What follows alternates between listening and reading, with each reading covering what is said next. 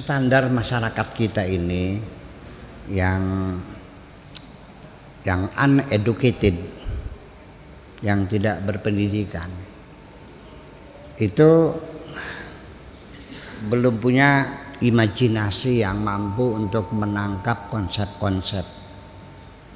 Mereka hanya bisa menangkap hal-hal yang sifatnya material, materialis. Ini gelas, ini mic, ini kacamata, ya kan? Ini asbak yang kelihatan mata. Tapi yang namanya konsep dalam pemikiran itu sulit sekali. Sampai istilah yang sangat klasik, sangat awal.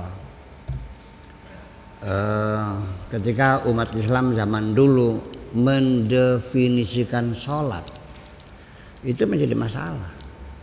Sholat dalam pikiran gimana? Kita mendeskripsikan sholat.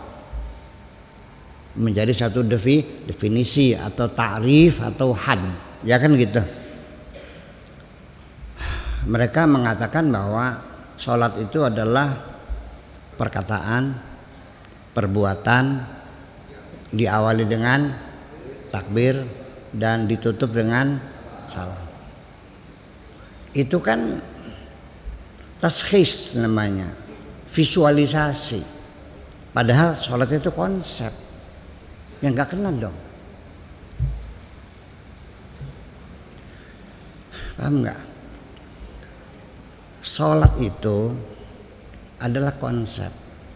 Sesuatu yang tidak mungkin bisa dilihat yang tidak mungkin bisa dipegang dan dirasa. Apa sholatnya nggak kelihatan? Itu makna konsep itu jadi sampai sekarang alhamdulillah saya mata saya belum pernah melihat sholat. Telinga saya belum pernah mendengar sholat. Lidah saya belum pernah mencicipi sholat. Sholat itu makhluknya kayak apa? Benda bukan benda. Sholat itu bukan bukan benda. Jadi artinya saya hanya bisa melihat atau yang saya lihat adalah orang yang sedang melakukan sholat Paham nggak?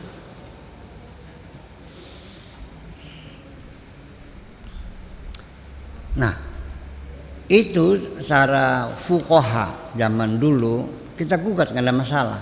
Boleh nggak kita menggugat fukoha? Menggugat ahli fikih boleh nggak? Ya, saya kan dari dulu kan ditindas hidup saya. Pinter silat tapi pinter Imam Syafi'i. kan begitu. Pinter kamu pinter siapa ya saya bilang pinter saya dong. Guletnya aja gitu, itu persoalannya jadi ya memang begitu. Dia men, men, me, itu bukan definisi tapi deskripsi. Dia mendeskripsikan seseorang yang sedang melakukan sholat dia sholat Allahu oh dimulai dengan takbir di situnya ada bacaan Fatihah, ada bacaan surat, kan gitu. Kemudian juga ada ruku, ada sujud. Makanya af'alun wa aqwalun perkataan, perbuatan diawali dengan dan terakhir ditutup dengan Yuk kita uji kebenaran definisi itu. Ada orang naik panggung takbir. Allah Akbar. Terus muter-muter saudara-saudara sekalian kan. Tudang tuding tudang tuding malik kan muter-muter. Itu kan ada perkataan dan perbuatannya. Wa akhirul kalam. Assalamualaikum warahmatullahi wabarakatuh. Salat nggak tuh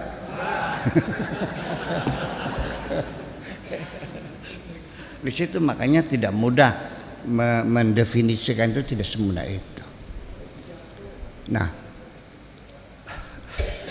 di antara teman-teman kita di, di, di ya di sekitar dia teman-teman saya di Indonesia ini belum banyak orang yang belajar tentang terminologi. Iya. Ya. Sehingga menyulitkan. Ada sedikit yang agak cerdas itu Rocky Gerung. Iya, eh, cerdas dia itu mendefinisikan. Jadi dan kemudian biar kita ceritainnya penting sekali ini. Setelah itu ribut lagi persoalan sholat khusyuk. Udah sholatnya nggak jelas, betul nggak? Ditambah sifatnya sholatnya ejektif ya, kata sifatnya sholat, sholatul sholatul khusyuk. Definisinya juga beragam sekali. Sampai di Jakarta pernah ada latihan sholat khusyuk. Bayarnya berapa? 3 juta berapa tuh? Lalu saya tanya, apa hasilnya? Itu dengan cara kita berdiri ya dengan kiblat yang lurus, kita ukur dengan pandom ya. Karena jarak kita sekian ribu kilometer, 12 ribu kilometer ya bergeser satu per sepuluh mili saja itu sudah melencongnya akan jauh banget. Jadi diukur persis itu. Tetapi nanti ada garis apa namanya batas toleransi ya dua derajat lah. Kemudian e, mencoba untuk tidak menggerakkan badan kita ya di luar daripada ini. Kemudian mata kita e, melihat tempat sujud kita. Ya itu nama-namanya bukan sholat khusyuk namanya sholat tuma nina ya kan? Digigit nyamuk kalau nggak nemen ya biarin aja lah. Kalau keterlaluan ya boleh dikukurin kayak gitu. Tapi cara ngukurnya itu harus supaya jangan menimbulkan gerakan banyak ditempelkan tangan ini dan kemudian jeriji tangan yang bergerak-gerak begitu ya itu namanya sholat tumak nina itu ya ya kan begitu dan saya kira selama ini kita pengennya kalau sholat khusyuk itu sholat yang manceleng ya. Sampai jumlah rokatnya lupa ya.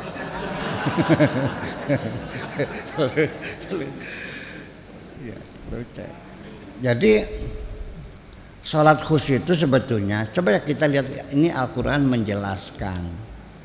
Qad aflahal minun. Alladzinahum khasyun alladzinahum apa? Li furujihim hafizun yang beli ahdi amanatihim raul ya kan begitu? Walladzina hum anil lagwi mu'ridun tidak buang-buang waktu. Ya kan gitu? Tidak apa untuk main-main hidup ini. E, kemudian kalau diberi amanah janji ditepati. Kan begitu? Itu ada mendapati janji itu dalam sholat apa di luar sholat? Menjaga kemaluan tuh dalam sholat. Ya berarti sholat khusyuk itu bukan dalam sholatnya berarti sholat khusyuk itu adalah sholat yang bisa diimplementasikan dalam kehidupan sehari-hari. Itu aja sholat. Jadi kalau sholatnya rajin tapi kecanggihannya rajin khusyuk nggak sholatnya? Biar sholatnya kayak patung juga sampai memejamkan mata. Ya tapi ternyata malam itu kecangkingan jadi khusyuk nggak sholatnya? Ya enggak dong. Nah itu kan semacam itu kan perlu kita pelajari. So, begini kenapa saya menekankan persepsi? Sebab kalau orang itu persepsinya salah dapat dipastikan konsepsinya salah. Implementasinya aplikasinya pesanannya salah semua itu kita sering kali berbeda kita berpisah dengan teman di tengah jalan karena dari awal persepsi kita tidak sama. Makanya dalam segala hal apa pun kita untuk membangun kebersamaan itu mesti ada langkah pertama persamaan persepsi. Supaya jangan sampai kita berpisah di tengah jalan. Betul nggak? Pak Rohmat mau ke Subang, saya mau ke Jakarta. Kan visinya berbeda. Ya kan begitu? Bareng yuk, ya mangga, nggak apa-apa. Saya ke Jakarta, saya ke boleh. Kita bisa bersama dengan Pak Rahmat, tapi sampai di Pamanukan. Sampai pemandu kan terjejek. Turun kau kalian terus Subang. Saya ke Jakarta. Nggak mungkin. Paham nggak? Itu persoalannya. Jadi sering kali kita dalam organisasi masyarakat, organisasi profesi dan sebagainya sering kali bubar jalan ya karena sejak awalnya persepsi yang tidak sama. Betul nggak? Iya. Dalam artian bahwa persepsi itu di dalamnya termasuk uh, visi dan misi, ya kan begitu. Dan beberapa kesepakatan-kesepakatan bersama. Tapi yang penting adalah persepsi itu sendiri e, kalau tidak ya kita menjadi kalang kabut. Nah ini nanti menyangkut tentang akidah-akidah, keyakinan-keyakinan yang persepsinya salah. Sudah persepsinya dia salah, dia menyalahkan orang lain yang persepsinya benar. Nah, dengan persepsi yang salah, orang sudah merasa dirinya paling benar sendiri kan kacau balau masih mending buang goblok jadi bang buang rasa pinter mah. Karena al jahlu ilmun. Goblok nih ilmu. Artinya kamu mengetahui bahwa kamu tidak paham. Sudah selesai. Anda mengerti anda nggak paham kan? Ya sudah itu ilmu. Ilmu tidak paham daripada orang yang paham ngerasanya paham. Ternyata bukan salah gagal. Gagal paham. Kalau salah paham ada toleransi ya dikit lah gitu. Kalau gagal kan udah jauh sekali persoalannya. Nah sampai sekarang mendefinisikan Islam iman ihsan masih beragam. Mendefinisikan takwa beragam Iya, iya kan? Sampai sekarang kita tuntut ketakwaan yang selalu didengungkan di setiap masjid setiap hari Jumat. Usikum wa iyaya Ketika saya tanya para imam se-Indramayu ya, karena kita tiap tiga bulan sekali kita kumpulkan imam se-Indramayu di sini kan gitu. Untuk ditatar dalam rangka meningkatkan kualitas ibadah umat kan?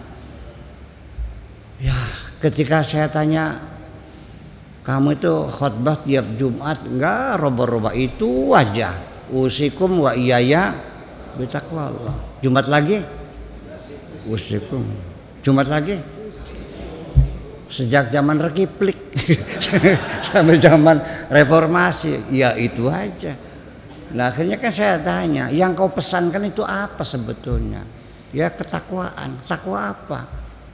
Serempak menjawab secara unanim tanpa pengecualian maksud saya secara unanim takwa itu melaksanakan segala perintah dan menjauhi segala larangan lalu saya tanya imam masjid di sini yang dianggapnya paling soleh se Indramayu ya kan gitu imam masjid kan paling soleh kan ada nggak yang bisa melaksanakan segala perintah Allah dan menjauhi segala larangan Allah? Sok ngacung, nggak ada yang ngacung ya berarti nggak ada kan? Ya kalau nggak ada jangan ngomong dong. Ya itu karena persepsinya salah. Tapi di kitabnya iya di kitabnya begini saya juga baca sama kok. Jadi kita boleh nggak menyalahkan kitab? Di sini jadi masalahnya. Orang Islam itu kalau sudah berbentuk kitab itu tidak berani menyalahkan. Apa itu bukan Tuhan juga termasuk? Salah-salah dong. Iya, manusia kok. Iya itu persoalannya. Kamu ini dasar pengecut kamu nih. Nggak punya keberanian. eh, kebenaran mah gak usah takut kalau benar benar salah-salah dong nggak boleh basa-basi dalam hal ini mah ada basa-basinya tahu nggak? La alas soab betul nggak? Barangkali saja benernya seperti ini gitu. Nah pasti salah itu sudah salah gitu. Golat gitu kan gitu. Nah ya semacam itu. Lah kenapa kita berani mendeskripsikan takwa? Padahal di dalam Al-Qur'an sendiri dijelaskan tentang takwa itu. Kan aneh. Kecuali kalau Al-Qur'annya tidak menjelaskan. Ini kurangnya menjelaskan takwa itu apa kok? Kok mau menjelaskan sendiri? Versi sendiri? Ya kan begitu. Kecuali kalau nggak ada ya boleh dah kita berpikir kan gitu kalau ada. Takwa dalam Al-Quran diuraikan lebih jelas, lebih gamblang. Zalikal kitabu la raiba fi hudan lil muttaqin untuk orang-orang yang bertakwa. Lalu Alkitab itu untuk orang-orang yang bertakwa. Kalau Al-Quran untuk manusia. Ya ada roke gerung baca Quran ya boleh dong, masa dilarang? Ngaco kamu. Saya berjuang untuk mengajak orang-orang membaca Al-Quran supaya mereka baca Al-Quran. Ada orang melarang tidak boleh baca Quran karena agamanya beda. Ini ajaran dari mana? Ya saya inilah sebabnya kita menjadi kalah begini. Kita minta, ayo kita baca ini Al-Quran, yuk baca silakan baca. Saya nggak lihat agamanya apa kok. Nah ini nggak boleh. Jadi gimana maksudnya? Kalau melarang orang baca, berdakwah atau menutup?